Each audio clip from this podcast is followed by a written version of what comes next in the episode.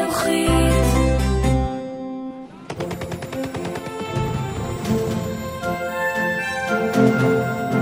Es lebe Deutschland!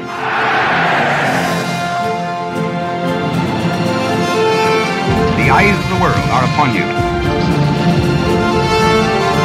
We shall defend our island, whatever the cost may be. We shall never surrender.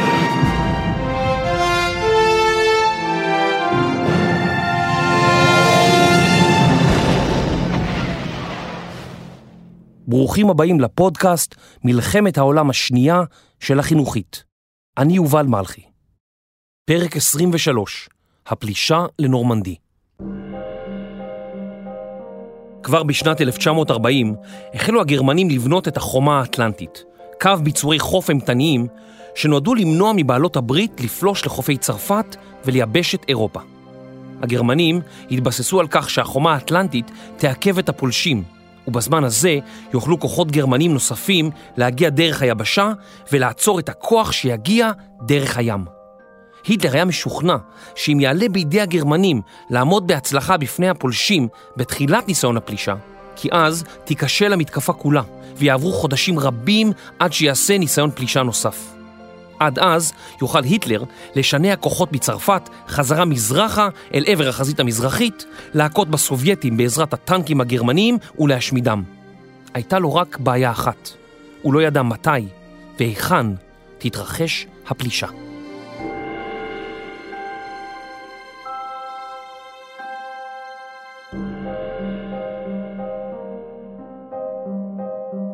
לאורך חופי צרפת הקימו הגרמנים רצועה שכללה מכשולים קטלניים של תיל דוקרני, מכשולי בטון ויותר משישה מיליון מוקשים.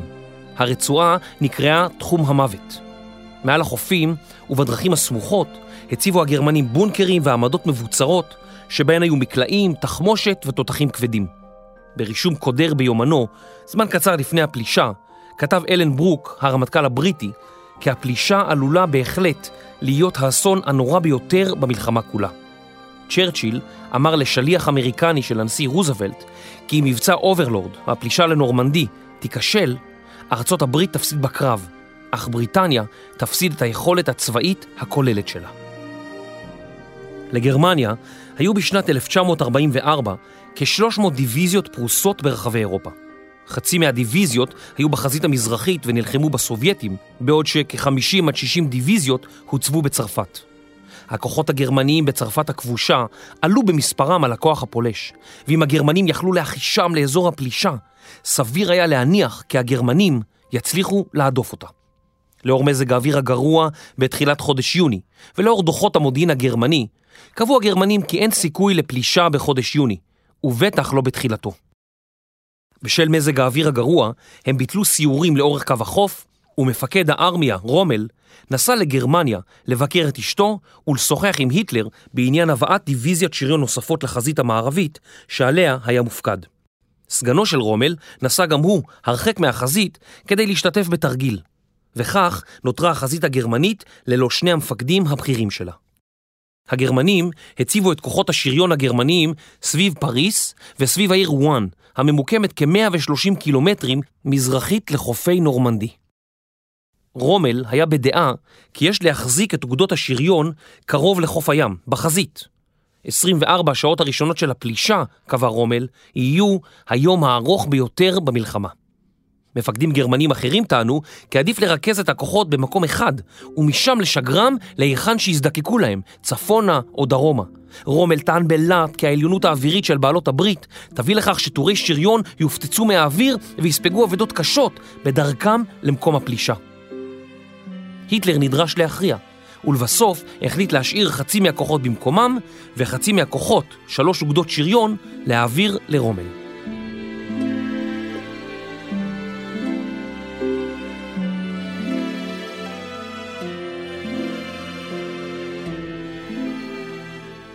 חוף נורמנדי היה יעד מצוין לפלישה. חופיו ארוכים, רחבים ומשתפלים במתינות מקו הים ועד לצוקים שמלמעלה. בחופים יש פרצות שבאדם יכול היה כוח הנחיתה לחדור במהירות אל תוך הארץ. רומל הבין זאת היטב, והורה למקש את החופים ולהציב בהם מכשולים נגד כלים משוריינים, כמו למשל הקיפודים הצ'כים, מין קוצי ברזל ענקיים בצורת כוכבית שמנעו מעבר טנקים. רבים ברחבי העולם חיכו במשך זמן רב לפלישה. סטלין חיכה לה מספר שנים וכבר התייאש מבעלות הברית. בארץ ישראל התבדחו בעיתונים טרם הפלישה כי הגנרל אייזנהאואר הורד מכהונה כמפקד העליון של כוחות הפלישה ובמקומו בא ילדו הרך של הגנרל ווינגייט. עד שהתינוק יגדל, הסתיימו גם ההכנות לפתיחת החזית השנייה. ילדו של ווינגייט נולד רק חודש לפני כן. בחודש מאי 1944 הגיעו לבריטניה כמיליון וחצי חיילים אמריקנים על ציודם הרב. הבריטים החלו להיערך ב-20 נקודות שונות לאורך החופים, והחלו להזיז ציוד בשיטת הסרט הנע יחד עם חיילי היחידות השונות. החיילים עלו על ספינות מספר ימים לפני הפלישה, והחלו להסתדר בשיירות שעמדו לקחת אותם לחמישה חופים שונים בנורמנדי, שנמצאת במערב צרפת. תאריך הפלישה תוכנן לחמישה ביוני. בחודשים שקדמו לפלישה המתוכננת, יישמו האמריקנים והבריטים לקחים שנלמדו ממבצע לפיד, בעיקר בתחום הלוגיסטיקה. הם הצליחו לשפר את ההיערכות הלוגיסטית והעברת הציוד לבריטניה, עד כי לפני תחילת המבצע היו בבריטניה שניים וחצי מיליון טון של ציוד צבאי שהיה מיועד למבצע אוברלורד.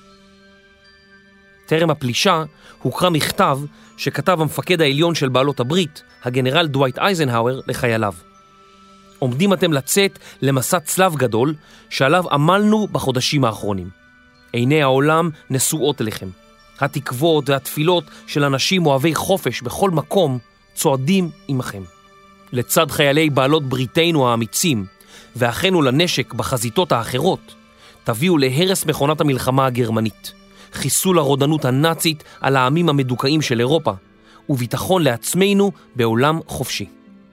לעצמו שרבט על פתק את מילות הנאום שיאלץ לשאת במקרה שייכשל המבצע. צ'רצ'יל אמר לאשתו קלמנטיין טרם שכבו לישון. את תופסת שעד שתתעוררי מחר בבוקר יהרגו אולי עשרים אלף איש? רבים חששו כי כישלון המבצע יערער את ביטחון האמריקנים במלחמה. האם יהיו אזרחיה מוכנים לספוג עשרת אלפים הרוגים בפלישה לנורמנדי? עשרים אלף? יותר? בעלות הברית חשו כי כישלון במבצע שכל העולם כמעט חיכה לו יוביל להחלפת כל הפיקוד הבכיר. בנוסף, סטלין יבין כי ייאלץ להילחם לבדו בהיטלר, וייתכן כי יעדיף לחתום על הסכם נפרד עם הגרמנים. כישלון המבצע בנורמנדי היה עלול להאריך את המלחמה במספר שנים נוספות. או להביא לסופה בשעה שהיטלר עודנו עומד בראש גרמניה הנאצית. מפקדי בעלות הברית ידעו כי אסור להם להיכשל.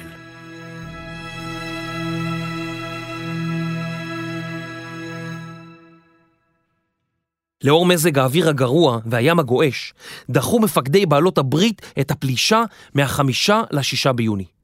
בחמישה ביוני החלו מטוסים בריטים לפזר חלקיקי אלומיניום באזור העיר דובר הבריטית. ממול העיר דובר, מעבר לתעלת למאנש, שכנה פא דה קלה הצרפתית. שם ציפו הגרמנים לנחיתת בעלות הברית. בין פא דה קלה לדובר נמצא המיצר הצר ביותר בתעלת למאנש. חלקיקי אלומיניום נקלטו היטב על מסכי המכ"מים הגרמניים, והם הניחו כי מדובר בצי גדול במיוחד, שהיה בדרכו לחצות את התעלה ולנחות בפא דה קלה. בתחילת יוני נקרא הגנרל פייר קניג, נציג צרפת החופשית במטהו של אייזנהאואר, ומי שהיה אחראי על תנועת הרזיסטנס בצרפת, והובא בסוד התוכנית. הגנרל קניג דרש ששארל דה גול, מנהיגה של צרפת החופשית, יובא גם הוא בסוד הפלישה. ולמרות התנגדותו של אייזנהאואר לשתף את דה גול בתוכנית, הוא שוכנע כי לא הייתה לו ברירה אחרת, ודה גול הוטס לבריטניה. הבריטים הנחו את הצרפתים להתחיל להפעיל את כוחות ההתנגדות הצרפתיים שפוצצו מסילות רכבת וחיבלו בדרכים כדי להקשות על תנועת הגרמנים. כיוון שלא ניתן היה לשלוח לרזיסטנס את אזור הפלישה או מועדה המדויקים, מחשש שהגרמנים יגלו זאת, הועברו הפקודות במסרים מוצפנים של רדיו ה-BBC. המסרים הועברו על ידי הקראת שורות הפתיחה של שיר סתיו של המשורר פול ורלן. כשמתחילות הנחות הכינורות של שיר האביב, ליבי טובע בצליל האיטי, הגמומי והארוך. השורות הללו הוקראו ברדיו ה-BBC בערב החמישה ביוני, וכוחות הרזיסטנס נכנסו לפעולה בכל רחבי צרפת. מספר ימים לפני המתקפה נשלחו מטוסי סיור מפציצים ליעדים שונים בחופי צרפת, ביניהם גם נורמנדי וקלה. כדי לשמור על ההנחות הגרמניות כי פא דה קלה הוא יעד הנחיתה, נאמר לטייסים כי קלה הוא יעד הנחיתה של בעלות הברית. את קלה הפציצו בעלות הברית בערך פי שתיים משהפציצו חופים אחרים, כולל נורמנדי. טייסים שהופלו ונשבו גילו לאחר עינויים ואיומים כי קלה אכן הייתה המקום שבו הבריטים מתכוון לנחות. חשדותיהם של הגרמנים אומתו.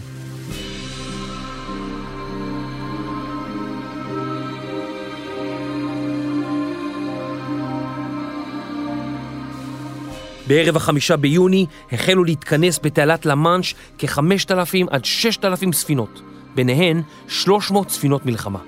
על סיפונן היו כ-150 אלף חיילים וכ-1,500 טנקים שהיו הגל הראשון.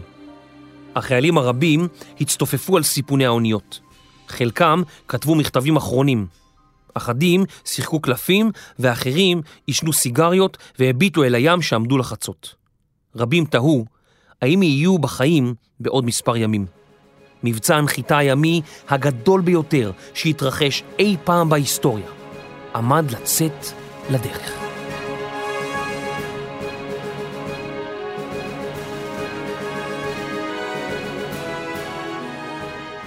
לפנות בוקר השישה ביוני החלו שולות המוקשים לנוע בכיוון צרפת ולפנות מוקשים ימיים. יחידות מיוחדות ו-18 אלף צנחנים עלו לכ-1,200 דאונים ומטוסים.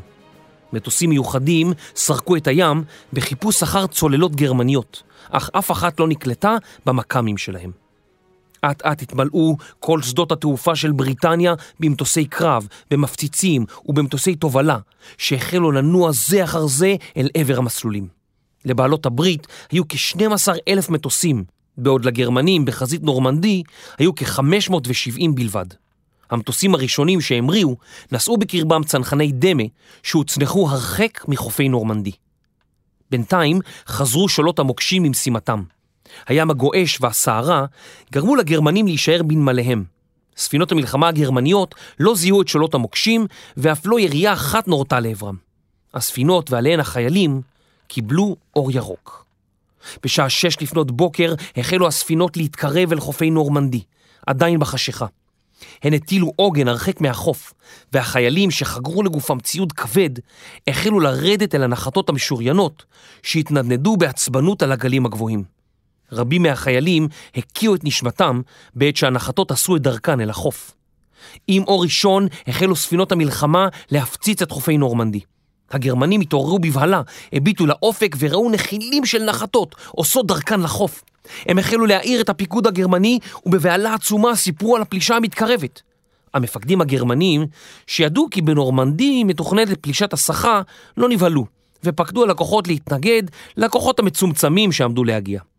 רוב הגרמנים שהגנו על החופים לא היו ממוצא גרמני, אלא בני עמי המזרח, שגויסו לצבא הגרמני מארצות שהיו עתה בשליטת ברית המועצות.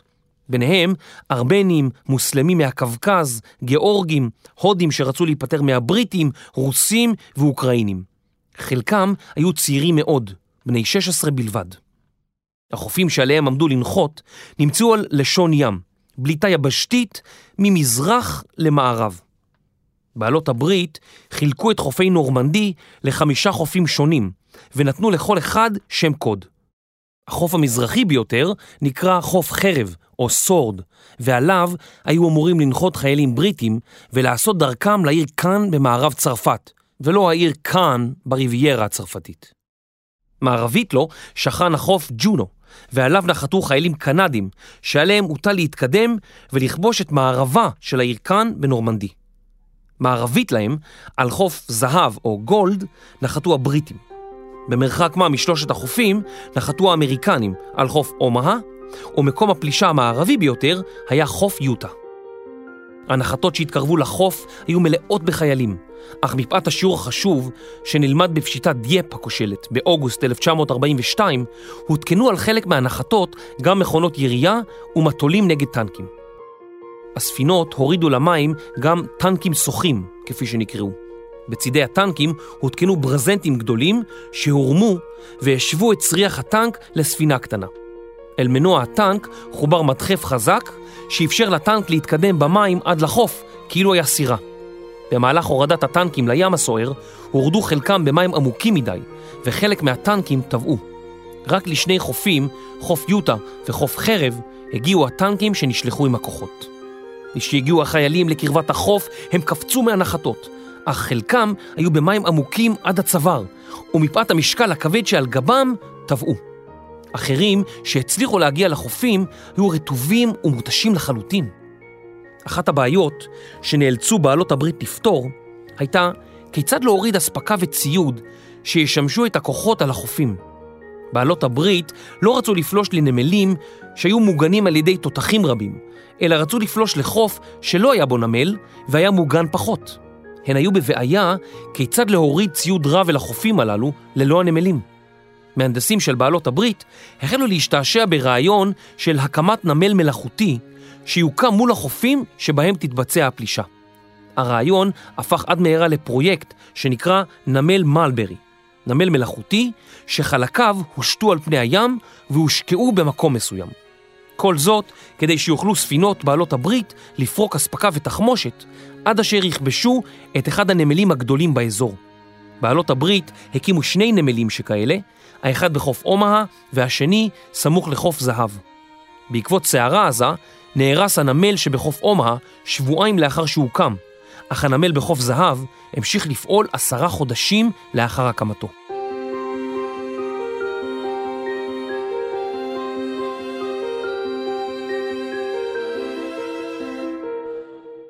בשעה 7:30 בבוקר השישה ביוני 1944 נחתו החיילים בחוף המזרחי ביותר, חוף חרב. הבריטים לא הצליחו להנחית את הטנקים מפני הגאות הגבוהה ונתקלו בשדות מוקשים שהכינו הגרמנים על החוף. הדרך הצרה בה התקדמו נשלטה על ידי עמדות גבוהות שירו אל עבר כלי הרכב. אלו נתקעו וחסמו את הדרך. למרות שהגנרל מונטגומרי טען כי הוא מרוצה מאוד מהמצב, המצב על החוף היה בכי רע. הגל השני שהגיע לחוף חרב הצליח ללחוט על החוף ולתקוף את המגנים ביעילות. הם זינקו מהחופים כלפי מעלה, ועד מהרה הכניעו את חיילי הוורמאכט והבריחו אותם. עד לשעות הערב כבר היו הכוחות מספר קילומטרים בלבד מהעיר קאן.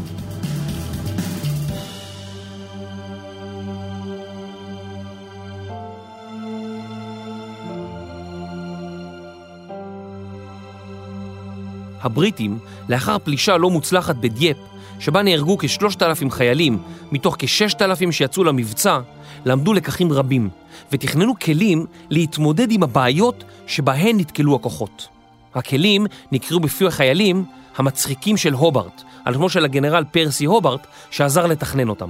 הם כללו טנקים בעלי לוויורים, טנקים שירו פצצות מרגמה חודרות בונקרים, טנקים שהניחו משטחים על החול הרך כדי שהרכבים שבאו בעקבותם לא ישקעו.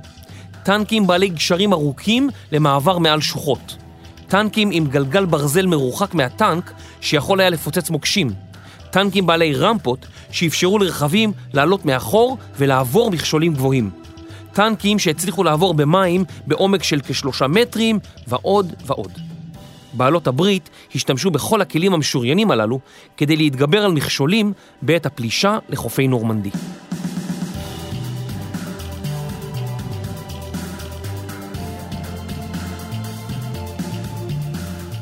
בחוף ג'ונו התקדמו הקנדים לאיתם ונלחמו בגרמנים שהקימו ביצורים לאורך קו החוף.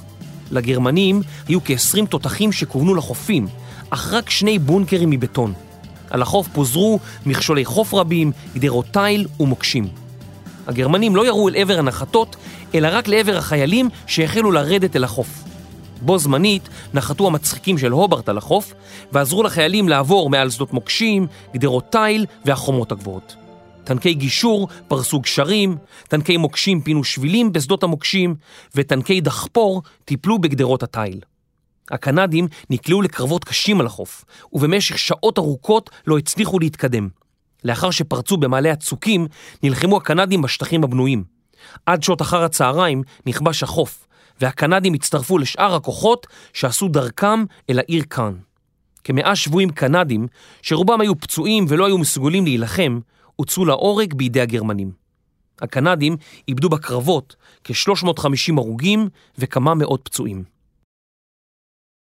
בחוף זהב התקדמה הדיוויזיה הבריטית במהירות ונחתה על החוף בעוד ספינות המלחמה הפגיזו את עיירות החוף ואת העמדות הגרמניות שהיו ממוקמות מעליהן. עד הערב התקדמו הכוחות במהירות וחברו לכוחות הקנדים שנחתו על חוף ג'ונו לשמאלם.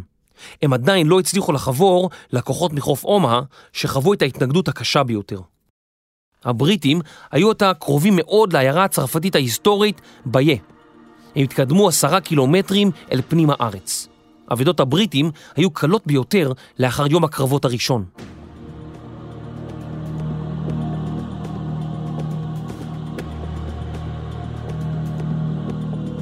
בחוף אומהה בנו הגרמנים את הביצורים הכבדים ביותר מבין חופי הנחיתה. החוף היה בלתי עביר לרכבים, והגרמנים אף בנו שוחה נגד טנקים, שמאחורי היו שטחים בוציים וצוקים תלולים בגובה ארבעה מטרים. לגרמנים היו כ-12 עמדות בטון מעל החוף, שהשתרע לאורך כעשרה קילומטרים. בעמדות הוצבו תותחים ומרגמות רבות שהפעילו הגרמנים כנגד הכוח הפולש. לגרמנים גם הייתה מערכת חפירות בין העמדות השונות, והם יכלו לנוע מעמדה לעמדה מבלי להיפגע.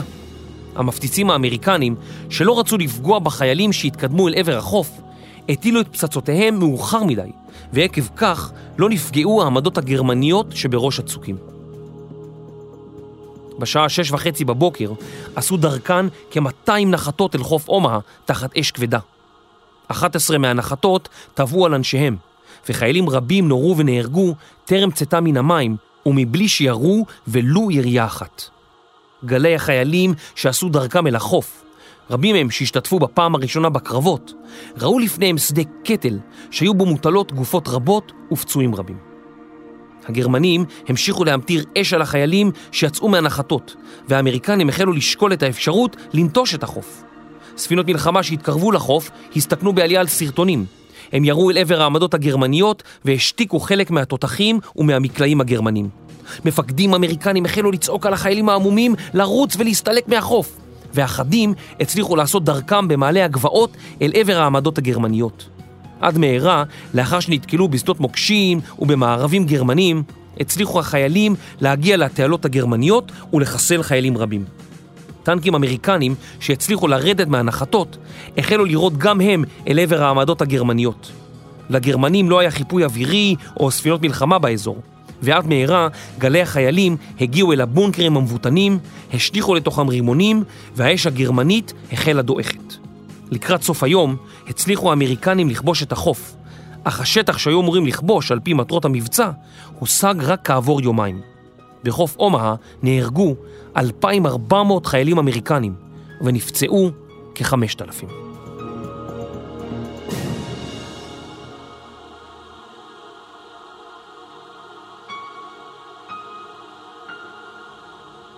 בינתיים השתלטו הצנחנים של בעלות הברית על מספר גשרים באזור הנחיתה ופוצצו אותם כדי שהגרמנים לא יוכלו לעבור דרכם ולתגבר את כוחותיהם. באזור החופים שעתה דיוויזית שריון גרמנית וצוותי בזוקה רבים ירו מתוך בתים על החיילים והטנקים המתקדמים לעברם. בחוף יוטה נתקלו האמריקנים בהתנגדות יחסית מועטה, וכ-12 חיילים אמריקנים בלבד נהרגו בפלישה. האמריקנים שהשתלטו עד מהרה על העמדות הגרמניות ששלטו על החוף, החלו עושים דרכם על פנים הארץ, אך הם נתקלו בשטחים בוציים שהקשו על תנועתם. השטחים באזור החוף הדרומי ביותר היו מלאים בביצות, וצנחנים שצנחו לביצות הללו על ציודם הכבד טבעו. עתה החלו גם הטנקים לשקוע בביצות, ומהירות התקדמות האמריקנים הואטה. כ-200 ריינג'רים מיחידות העילית האמריקניות נחתו בין חוף יוטה לחוף אומהה, ובעזרת חבלים, סולמות ויתדות שתקעו בצוקים, הם החלו לעלות עליהם כדי לחסל עמדות גרמניות. הריינג'רים עלו על הצוקים והשמידו כל תותח שמצאו במטעים סרוכים. משאזלה להם התחמושת, החלו הריינג'רים לעשות שימוש בכלי נשק גרמניים שלקחו מחיילים גרמנים. לנשקים הללו הייתה חתימת קול ייחודית, וכששמעו חיילים של בעלות הברית את כלי הנשק הגרמניים, הם החלו להפציץ את האזור ממנו הגיעו היריות. מתוך 200 הריינג'רים שעלו על החוף, כ-135 נהרגו ונפצעו. עד לסוף היום הראשון של הפלישה ספגו בעלות הברית כ-4,400 הרוגים, כמות נמוכה בהרבה מזו שהעריכו. לגרמנים נהרגו כאלף איש, ועוד אלפים נפצעו. התכנונים המדויקים, ההכנות המרובות, האימונים, תרגילי ההונאה, הכלים המיוחדים שנוצרו לפלישה, החיילים חדורי האמונה, כל אלו גרמו למבצע אוברלורד להצליח מעבר למצופה. בימים שלאחר הפלישה היה העולם כמרקחה, ורבים התרגשו מהידיעה שבעלות הברית פלשו לאירופה. חלקם סירב להאמין לידיעות הללו, כדי שלא להתאכזב מתוצאותיה. בעיתון על המשמר נכתב: תל אביב, יום הפלישה. תל אביב נאורה עם שחר, כשכולה אותה סוד גדול אחד. הפלישה החלה.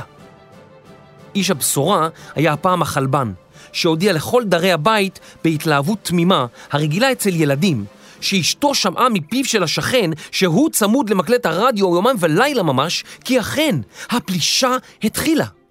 הקהל הרחב קיבל הפעם את דבר הבשורה בסערת התרגשות והסתייגות מסוימת, והסיבה לכך מובנת. התוחלת הממושכת שקדמה לפלישה היא שהחלישה את הלב, והוא שסירב להאמין באמיתות הידיעה, אף כשזו הייתה ודאית. במדינות הלוחמות נהרו אנשים לכנסיות כדי להתפלל לשלום הלוחמים. אחרים נצמדו למקלטי הרדיו כדי לשמוע שביבי חדשות. פועלים ששבתו חדלו משביתתם.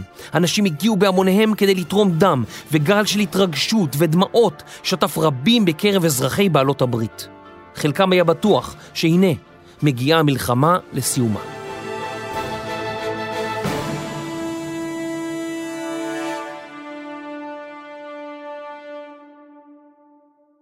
סטלין היה מאושר מהפלישה שלה חיכה במשך שנים, והוא שלח לצ'רצ'יל הודעה. אוברלורד הוא מקור שמחה לכולנו. הוא הבטיח להתחיל במתקפה אדירה משלו בחזית המזרחית. האבדות הרוסיות במלחמה היו בלתי נתפסות, וכ-90% מכל הגברים הרוסיים בין הגילאים 18 עד 21 כבר מצאו את מותם בקרבות. הרוסים שיצרו עיטורים רבים במהלך המלחמה על פעולות גבורה התקפיות או הגנתיות, למשל עיטור הניצחון, עיטור סוברוב, עיטור קוטזוב ואחרים, יצרו גם עיטור בשם האם הגיבורה, שהוענק לכל אישה שילדה למעלה מעשרה ילדים. העיטור הוענק ליותר מ-400 אלף נשים במהלך המלחמה. מדליה מיוחדת נוצרה גם לאימהות עם חמישה עד תשעה ילדים, וקצבאות חולקו לכל אישה שילדה, כולל נשים לא נשואות. הרוסים היו זקוקים לדור חדש.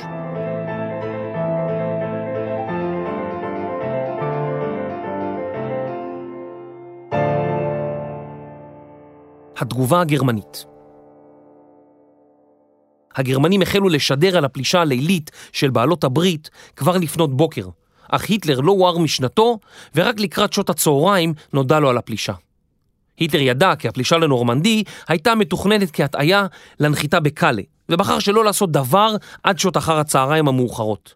כאשר נוכח לדעת כי טרם החלה הפלישה לקאלה, הרשה היטלר למספר יחידות לנוע לעזרת מגיני נורמנדי, אך עדיין שמר את מרבית היחידות במקומן כעתודה מפני הפלישה המיועדת בקאלה. חיילים גרמנים רבים התייאשו לנוכח המצב, ואחד מהם כתב כי כולם משתינים פה במכנסיים מרוב פחד בלילה המבהיל הזה. חיילי האס-אס החלו לעבור בערים צרפתיות ולהוציא להורג כל מי שנחשד בשיתוף פעולה עם כוחות ההתנגדות הצרפתיים, הרזיסטנס. בכפרים צרפתיים סמוכים, שבהם התרחשו מעשי חבלה כנגד הגרמנים, אספו חיילי האס-אס את כל התושבים והוציאו רבים מהם להורג. בכפר טול תלו הגרמנים כמאה איש על פנסי הרחוב, בעוד הם מכריחים את כל התושבים לצפות במחזה. בכפר ורדור סורגלן הוציאו הגרמנים להורג כ-650 איש, מתוכם למעלה מ-200 ילדים, וכן יהודים שהוסתרו על ידי מקומיים.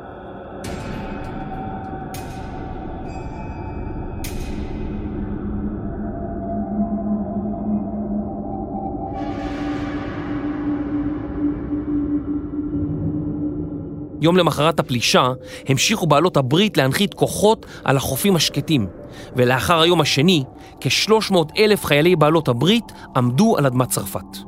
הגרמנים החלו להבין כי פלישת ההסחה לנורמנדי הייתה גדולה משחשבו, והם החלו לשלוח מספר מצומצם של דיוויזיות שריון לכיוון החופים. כוחות השריון הגרמניים החלו לנוע רק בשעות החשיכה, שהיו מועטות מאוד בצפון צרפת בתחילת הקיץ. אך אפילו תנועה זו לא הייתה מוצלחת. מטוסי בעלות הברית שלטו בשמיים והפציצו את טורי השריון המתקדמים, וגרמו להם לאבידות גדולות. השליטה האווירית של בעלות הברית גם מנעה מהגרמנים להוביל דלק, אספקה ותחמושת לכוחות בנורמנדי. רומל כתב כי תנועתנו משותקת כמעט לחלוטין, בעוד האויב נע בחופשיות. יומיים לאחר נחיתת בעלות הברית, נתקל כוח נגמשים גרמני בטנקים של בעלות הברית. אחד החיילים הגרמנים סיפר כי כלי הנשק הכבדים של האויב ממש קרעו לגזרים את הדיוויזיה המשוריינת. לידם על האדמה, ואפילו תלויים על עצים, היו מפוזרים חלקי גופות של חברים לנשק. על הכל נחה דממה נוראה. ימים ספורים לאחר הנחיתה, הלך מזג האוויר והורה, וסערה הרסה את הנמל המלאכותי שהוקם מול חוף אומהה. החיילים סבלו ממחסור בתחמושת, ולא היה ביכולתם להתקדם לאחר שלב הפלישה הראשון. הגרמנים החלו לשלוח הודעות ממפקדה אחת לאחרת, כי ההתקדמות האיטית של בעלות הברית היא הוכחה למתקפה קרבה בקאלה. שלושה ימים לאחר הפלישה בנורמנדי, היו הגרמנים עדיין משוכנעים שהפלישה הייתה רק תרגיל הסחה. העננים הרבים שכיסו את השמיים מנעו ממטוסי בעלות הברית להפציץ את החיילים והשריון הגרמני, והפלישה נעצרה כמעט לחלוטין. כוחות שריון גרמניים הצליחו להתקדם ולגרום לאבידות כבדות בקרב יחידות שריון בריטיות.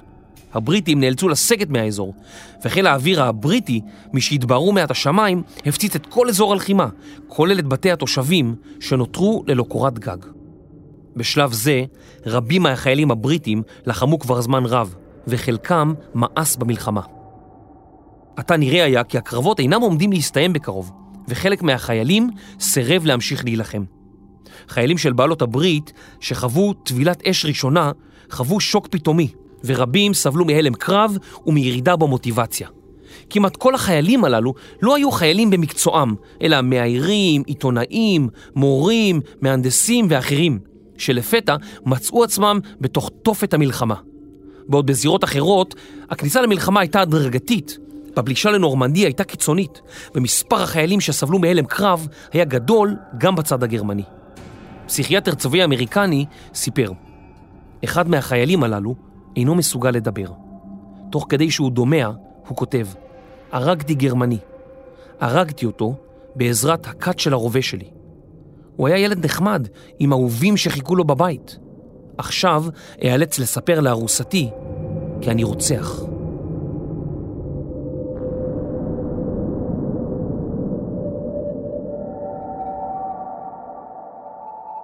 כוחות שריון גרמני, שהיו תומכים נלהבים של הנאצים, זרמו לאזור הקרבות, הסתערו על כוחות בעלות הברית והשמידו טנקים וכלי רכב רבים. כוחות השריון של בעלות הברית דרשו שחיל הרגלים, שהיה מצויד בבזוקות, יצעד לפני הטנקים, ואילו הכוחות הרגליים דרשו שהטנקים הממוגנים יותר ינועו לפניהם.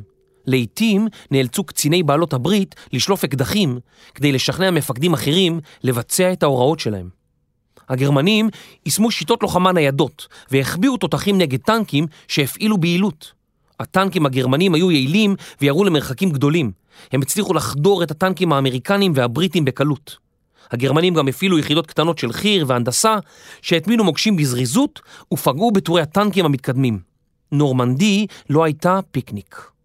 כשבוע לאחר הנחיתה, כוחות בעלות הברית שעלו מהחופים החלו חוברים זה לזה, ועד מהרה החלו לפעול במקביל ובצוותא כוחות שריון, צנחנים, יחידות מיוחדות, יחידות הנדסה וחיל רגלים. דיוויזיית שריון גרמנית שהגיעה לאזור יצאה למתקפה על כוח אמריקני, אך האמריקנים הוזהרו מבעוד מועד דרך יירוטי אולטרה. דיוויזיית השריון הגרמנית נתקלה בכוח של צנחני בעלות הברית שהחל לסגת, אך עד מהרה הופיע כוח שריון בפיקודו של הגנרל היהודי האמריקני מוריס רוז. למראה השרמנים הרבים שהופיעו מעבר לגבעות, הסתובבו הגרמנים ונסוגו.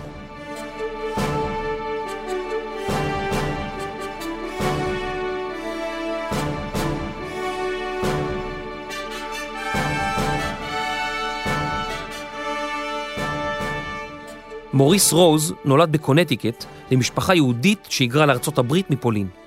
אבי וסבו היו רבנים, אך רוז נמשך לשדה הקרב והתנדב למשמר הלאומי בגיל 15 לאחר ששיקר לגבי גילו. במהלך מלחמת העולם הראשונה נפצע בקרבות בצרפת, ולאחר שהחלים, המשיך להתקדם במעלה הדרגות. בשנת 1942 פיקד רוז על דיוויזיית שריון במבצע טורץ' בצפון אפריקה.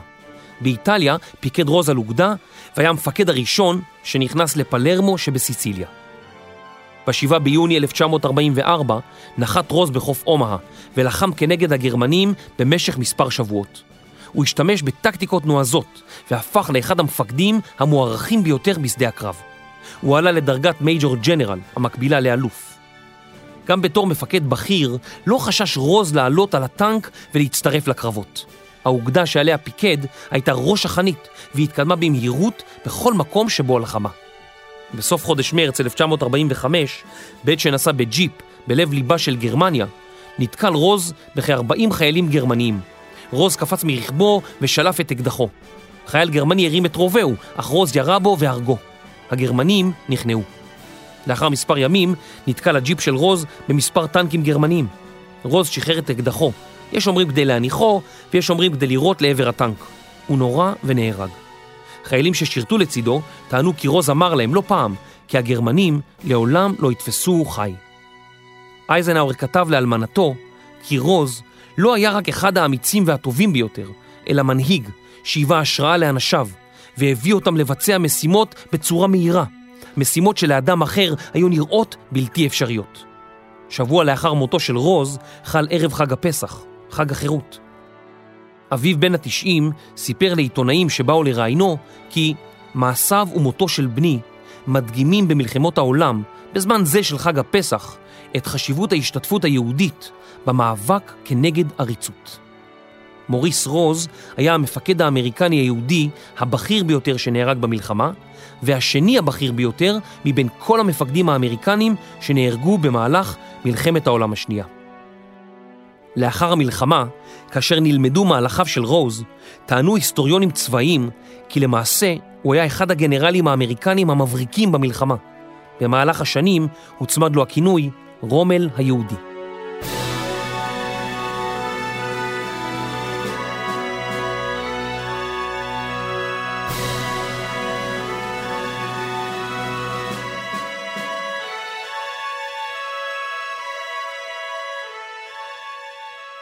למרות ההצלחה הגרמנית המוגבלת, הגנרלים של היטלר רצו לייצב את קו החזית ולנוע לאחור כדי לבסס קו הגנה מאחורי הנהר אורן. היטלר סירב להקשיב למשפט שכלל את המילה נסיגה. הוא היה בטוח כי הנשק החדש של גרמניה, טילי אבי אחד, יזרעו פאניקה ובהלה בתושבי לונדון שילחצו על ממשלתם להגיע עמו להסדר. תוכנית מטוסי הקרב החדשה, למרות שהייתה די בחיתוליה, יצרה אצל היטלר את הרושם כי בקרוב תהיה ידו של חיל האוויר הגרמני על העליונה.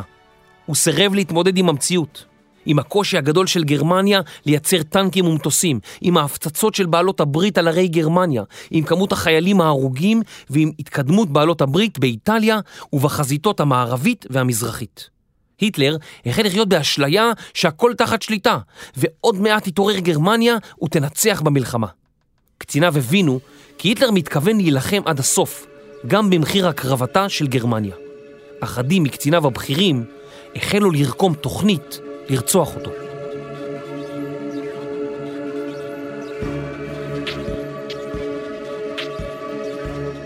חמשת ראשי החץ של בעלות הברית שעלו מחופי נורמנדי חברו זה לזה ב-12 ביוני, כמעט שבוע לאחר הפלישה. לאחר עשרה ימי לחימה בנורמנדי, איבדו הגרמנים טנקים רבים שלא היו יכולים להחליף בקלות. אחד הקצינים הגרמנים כתב כי לא מדברים על זה, אבל אנחנו יודעים שאנחנו מתקרבים לקטסטרופה.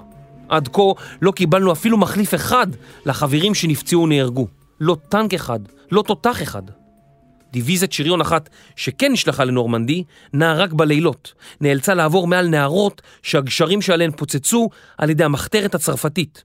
ובמקום מסע של שלושה ימים, הגיע לאזור רק לאחר שבועיים וחצי. חייל אמריקני, שבדק גופות של חיילים גרמנים, מצא מכתבים על גופם שיועדו למשפחותיהם. החיילים כתבו כי הם מתגעגעים למשפחה, ואין הם בטוחים אם ישובו לראותם. הפיקוד הגרמני עדיין האמין שמתקפה בריטית תחל בקרוב בדרום או בצפון צרפת, והשאיר במקומן דיוויזיות שריון רבות ומאות אלפי חיילים שישבו וחיכו למתקפה גדולה. משהחלו הבריטים להפעיל אמצעים כדי לשבש את המכ"מים הגרמניים באזור דנמרק, הכריזו הגרמנים על מצב חירום וחיכו לפלישה הגדולה של הבריטים בצפון.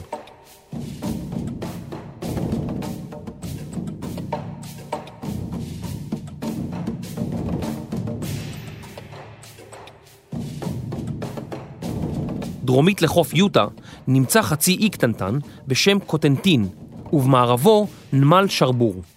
דרך הנמל היו בעלות הברית יכולות לספק את כוחותיהם בנורמנדי, והם קיוו כי תוך מספר ימים הוא יהיה בידיהם. האמריקנים שיצאו מהחוף החלו לדהור אל עבר הנמל, ובמשך עשרים יום נלחמו ופילסו דרכם בחצי האי מערבה, אל עבר הנמל החשוב. הגרמנים שלחו כמאה מטוסים לאזור, אך הספינות הרבות שהיו בתעלת למאנש הניסו אותם. מפקד הנמל, פון שליבן, התחנן כי יורשה לו להיכנע, מפני שברשותו היו כאלפיים חיילים פצועים. היטלר הורה לו להילחם עד החייל האחרון, ובשום אופן שלא להיכנע. ב-26 ביוני כבשו בעלות הברית את הנמל. הגרמנים פוצצו את רציפי הנמל, ולבעלות הברית נדרשו מספר שבועות כדי לשקמו. היטלר השתולל כששמע כי מפקד האזור, פון שליבן, פשוט נכנע. הוא דרש ממפקדיו להמשיך בלחימה ולדחוק את בעלות הברית חזרה אל הים. הגנרל הגרמני שפיקד על הלחימה באזור נורמנדי, פון רונשטאט, לא הסכים עם האסטרטגיה של היטלר. בתמורה פיטר אותו היטלר והחליפו בגנרל פון קלוגה.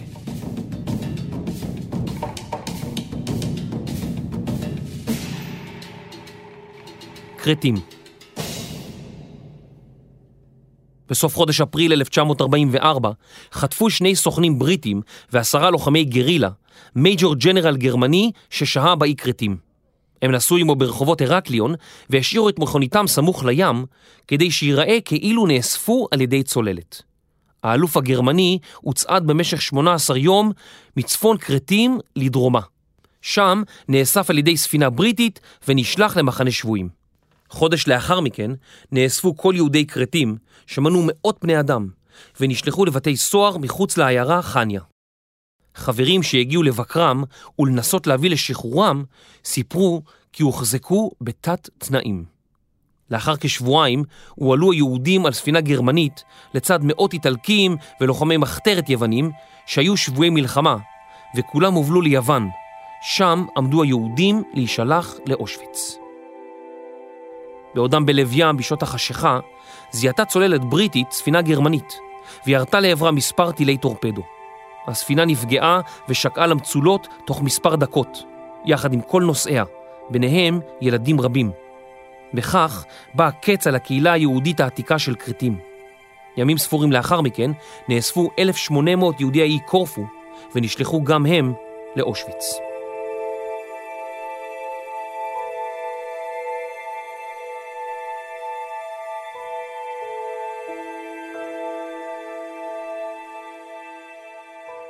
בתחילת חודש יולי, לאחר מידע שהתקבל מארבעה שבויים שהצליחו לברוח מאושוויץ, העריכו הבריטים כי קרוב לשני מיליון איש נרצחו באושוויץ.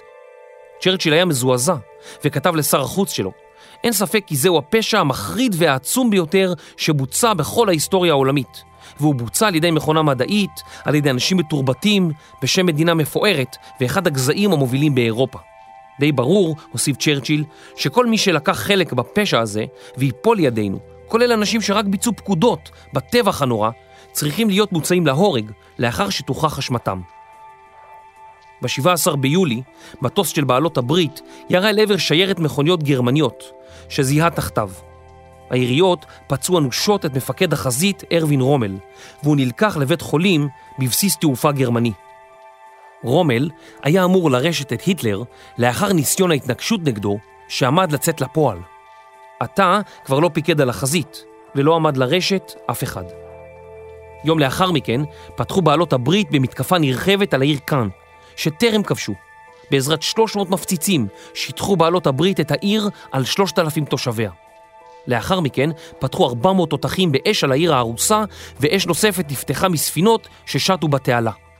לאחר מכן פרצו טנקים בדהרה אל העיר. העיר כאן נהרסה למעשה לחלוטין, והיטלר הבין סוף סוף כי המתקפה בנורמנדי היא-היא המתקפה בה"א הידיעה. הוא הסכים להזיז כוחות מקאלה לעבר נורמנדי, אך כאן כבר נכבשה. הבריטים החלו עושים דרכם דרומה, והאמריקנים שבחצי האי קוטנטין, בו שכן נמל שרבור, החלו להתקדם מזרחה. הדרך למרכז צרפת אט אט נפתחה. עד סוף חודש יוני נחתו כמיליון חיילים בחופי נורמנדי, כמו גם 200 אלף כלי רכב. חיילים נוספים ימשיכו לנחות בצרפת, עד כי בסוף אוגוסט יהיו בצרפת כשני מיליון חיילים של בעלות הברית, שיחלו לנוע מזרחה אל עבר גרמניה.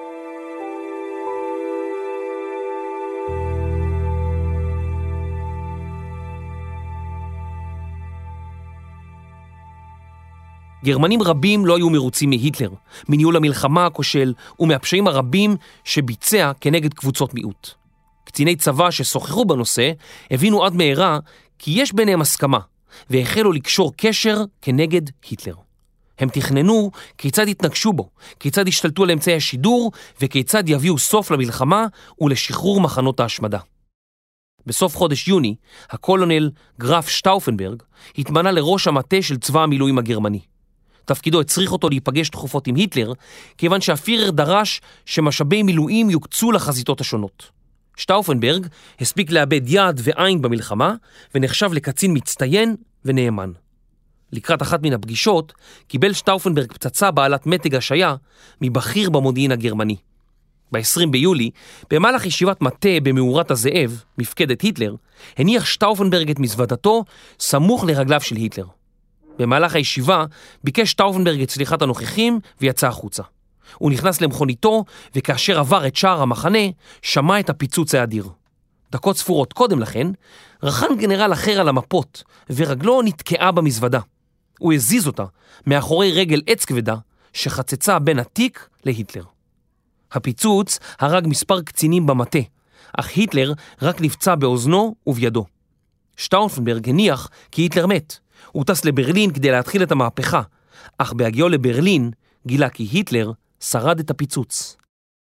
קצינים שהיו אמורים להשתתף במהפכה גילו כי היטלר לא מת וסירבו להמשיך לשתף פעולה. עד מהרה נכשל המבצע והגרמנים החלו לעצור את כל מתכנניו. בזה אחר זה נעצרו כל מי שהיה לו קשר למבצע, כולל בני משפחתם, וכחמשת אלפים איש הוצאו להורג, מי בירי ומי בתלייה. היטלר גילה כי בין הקושרים היה גם הגנרל הנערץ רומל, שועל המדבר. במהלך יוצא דופן ניתנה לרומל הבחירה באם להתאבד או שהוא ומשפחתו יישלחו למחנות ריכוז. רומל נאלץ להתאבד בעזרת כדור ציאניד שסופק לו, ובעיתונים נכתב כי מת בעקבות סיבוכים מפציעתו. רומל זכה להלוויה מפוארת, והיטלר, למרבה האירוניה, אף ספד לו.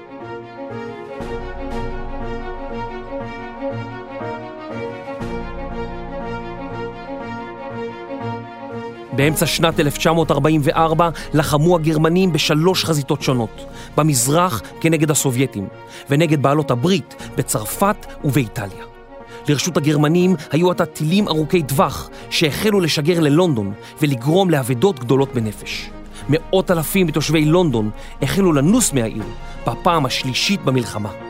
הבריטים היו עובדי עצות.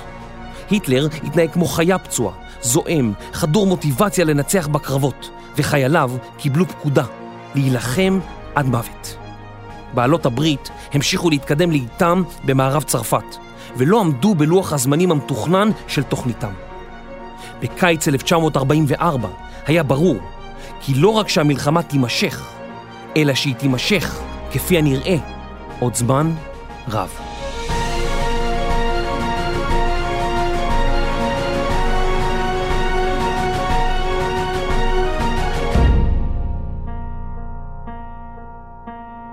פרק 23, הפלישה לנורמנדי. מחקר כתיבה ועריכה, אבי הרטמן ויובל מלכי. מפיק ראשי, רני שחר. עריכת לשון, דינה בר מנחם. עריכת סאונד, סופה סטודיו. אחראית מטעם החינוכית, שרון ויינברג שפיגלר. שותפי הפקה, פודקאסט ישראל בע"מ. הפקה, קטעים בהיסטוריה. נשתמע בפרק הבא. אני יובל מלכי. מלחמת העולם השנייה, פודקאסט של החינוכית. חינוכית